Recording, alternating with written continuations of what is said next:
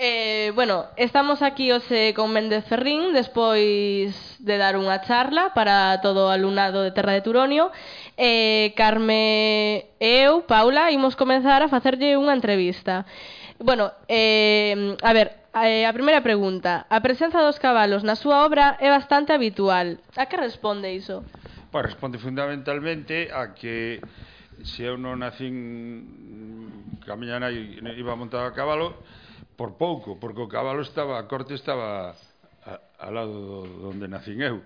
De maneira que eu, que desde pequeno, criaime con, no, nese mundo, no mundo que ten que ver cos, cos cabalos, montei a cabalo durante toda a miña vida e, e sigo montando a cabalo eh, porque os vellos morremos todos cas botas postas os, os que nos gustan os, os cabalos hai un señor aí en, hai un exemplo aquí moi preto de aquí en, en Vincios, o señor Hortelano, que chegou aos 90 anos, eh?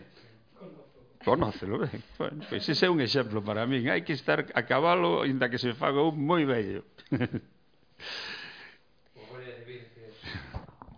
bueno, onde podemos atopar as orixes do cabalo de pura raza galega? pois no, no, no máis profundo da, da, da prehistoria, non sabemos. Este cabalo estivo, sabemos que estivo aquí sempre, sabemos que que eh, que, que xa utilizaban os nosos antepasados porque está mm, aparecen os petroglifos no? polo tanto é un, e pola súa morfoloxía é un cabalo dos considerados arcaicos dos considerados moi antigos de maneira que non sabemos de, de onde hai outros cabalos semellantes ao, o noso mm, en, en outros lugares de Europa, pero tantos mm, en, en tan grande número e tan ben conservada a raza até os nosos días, eso é único na Península Ibérica. Entendendo por nós, Galicia é o norte de Portugal. Aínda que o cabalo galego está ameazado de, de, de moi gravemente polos cruces polos cruces que se fan con outras razas. Por eso agora hai que ir conscientemente a súa preservación mediante, que xa se empezou, mediante a, a legislación, mediante a lei e mediante actividades de, de conservación da raza. Hai que estimar a raza, non hai que despreciala. Non? Naturalmente que os cabalos españoles son máis altos e os árabes son máis bonitos, e os, pero este, este, os ingleses son máis, corren máis, pero como o noso non hai ningún no mundo, polo tanto hai que conservalo eh, vostede ten unha especial querencia polo galiñeiro. Que significa para vostede este entorno? Pois algo moi importante. Eu lo vivindo en Vigo moitísimos anos. De maneira que o galiñeiro para min sempre foi como a continuación da miña infancia nas montañas de Ourense, o máis semellante. E o galiñeiro é precioso.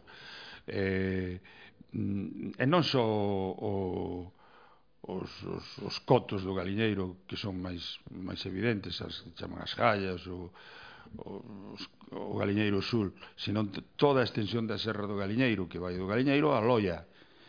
Eu penso que iso é o espiñazo da Terra de Turonio. Non? A Terra de Turonio ten un núcleo central que é esa serra, que vai de, de sobre o río Miño, de ao Valdo Fragoso, que é o de Vigo. Non? E ese é a Terra de Turonio. Eh, o noso centro chamase Terra de Turonio. Que significado ten para vostede esta, esta denominación? Pois non se sabe, non se sabe que, bueno, que, que etimoloxía ten, non a sabemos. Non a sabemos. Isa é un é, sabemos si sí, que é o nome que se lle daba na Edade Media a este territorio. Había señores ou condes de, de Turonio eh, territorio que vai desde o río Miño ao, a ría de Vigo. E despois polo, polo leste cas montañas de da Cañiza, máis ou menos. Por este non se sabe exactamente. Agora, polo norte e polo sur si sí era iso. Ese nome perdeuse, perdeuse porque despois foi a diocese de Tui, a, a provincia de Pontevedra, a, a, os concellos, os nomes dos concellos, ese nome perdeuse. Pero conservouse en, en nunha aldeiña pequena que se chama Torroña, que se chama Torroña e que está en, en, en onda por riba de Santa María de Olla, é onde se fai o curro de Torroña precisamente. Tamén hai Torroña, outro mm, Troña, Troña, hai un castro de Troña en en Ponte en Ponteareas, en Mondariz, que tamén virá de aí. Son os últimos restos que quedan do do nome conservados. Pero agora, pois, eh, mercedo eh, ao Instituto de Estudios Milloranos, a, a iniciativa de persoas eh, novas e cultas desta zona, pois, estáse tratando de recuperar e dese impulso recuperador está que este instituto lle puxera pois moi acertadamente eh, Instituto Terra de Turorio. É o nome que está renacendo, non? Perdido, pero renacendo. O nome de Gondomar eh, parece de orixe xermánica. Que opinión tes?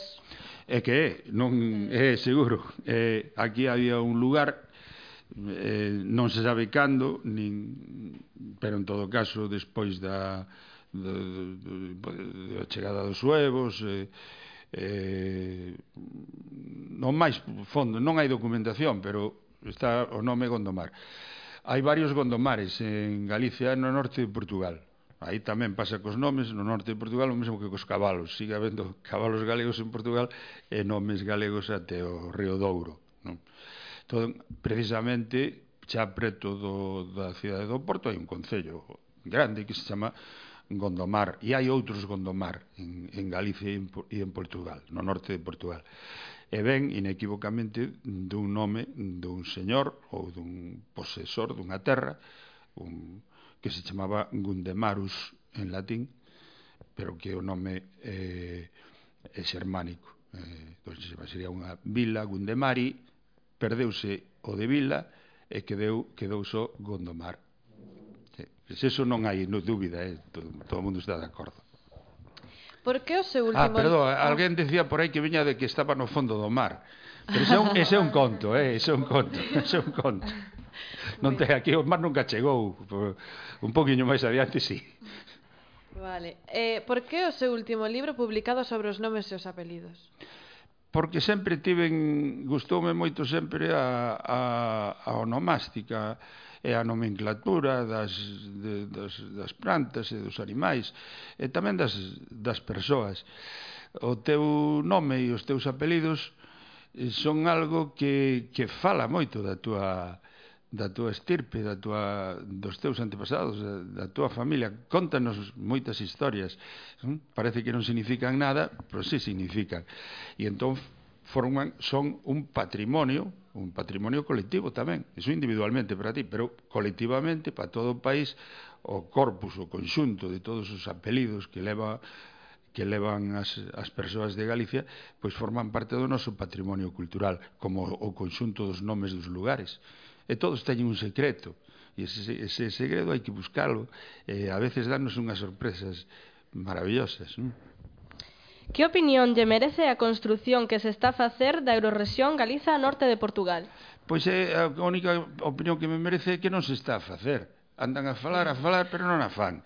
Non, non hai moito interés, nin pola parte dos portugueses, nin pola parte dos galegos.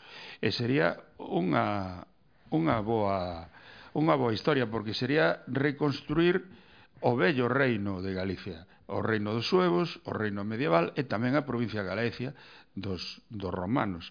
E se temos unha comunidade básica eh, no patrimonio histórico, na, no, nos nomes dos lugares como Gondomar, nos cabalos e eh, en algunhas outras cousas, inda que ao vivirmos separados, o portugués terminou e o galego terminaron por separarse, eh, de todas maneras conservas unha serie de elementos comuns.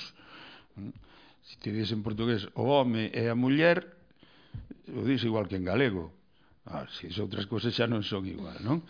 Pero eso sí, e entón, pois, eso sería como reconstruir unha, unha identidade que foi perdida hai moitísimos séculos. Eh, eh, eh, naturalmente ten rexurde, se se deixa volver a xurdir, porque estamos continuamente indo a Valença de, do Meño a buscar toallas, e volvemos, outros veñen para aquí, outros van traba, veñen traballar aquí, e eso existe, esa comunidade existe. Eh, hai que económica incluso, hai que darlle un, un pulo. E vai selle dar, sin dúbida. Comparte que debemos reivindicar unha cultura común co norte de Portugal? Naquelo que conservamos, sí, no que, no, no que son di, distintas as cousas, pois non, non hai, eu que sei, eh, hai cousas en que nos distinguimos bastante, quer dicir que a gaita, en canto atravesas o río Miño, desaparece, non? E a moiñeira, é que hai algo máis noso que a gaita e a muñeira, non? Eles teñen o vira e tocan o acordeón e bailan outras cousas. De maneira que hai cousas que sí, que son comuns, e esas hai que hai que rebustecelas, como o cabalo, non? É como é como eh, a conciencia de, dos, dos topónimos, dos nomes dos lugares, e, eh, como son, pois, eu que sei, os contos populares, o corpos de contos tradicionais populares son comuns. E eso sí, eso, claro que é. En Estirpe, no poema Curro de Morgadáns, que tentou transmitir? Pois tentei de transmitir mm, a, a vivencia, a sensación de pertencer a, a unha tradición, pero unha tradición que vai máis alá da historia, inclusive. Non? unha tradición que, que nos, nos, nos leva ao mundo dos petroglifos, ao mundo dos castros e aínda máis alá, ao mundo dos megalitos, das mámoas, da, dos, do, do que nós temos neste momento máis antigo, que o conservamos, e o conservamos moi ben. Eh? A raza dos cabalos é unha desas características. E eu quería transmitir a emoción que produce o estar vivindo nun país, nunha patria, nun territorio tan antigo, tan mm, tan chantado, tan afondado na, na, no pasado con tanta forza. ¿no? Nese sentido, Galicia é un país privilexiado. Se ti foses andaluza ou foses mm, portuguesa de Lisboa non poderías decir eso, porque eso hai moi poucos séculos era terra de mouros, sin ter eu nada contra os mouros, E antes pois era terra dos lusitanos, e antes era terra de foi non nós nós nós estivemos sempre aquí. Por eso todos nós utilizamos palabras en galego que son anteriores aos romanos, que son anteriores a se ti dis Nécora ou dis Carballo, estás dicindo unha palabra que xa existía, xa se dicía aquí antes de existir o galego antes de existir o latín, eh, que xa dicían os nosos antepasados cando ainda non falaban galego. Eh, nos levamos unha carga eh, moi, moi profunda de, de, de tradición. Bueno, pois aquí remata esta entrevista. Eh, queríamos darche as grazas por habernosla concedido, por haber estado aquí con nós. Pois, pois moitísimas gracias a vos. Moi ben.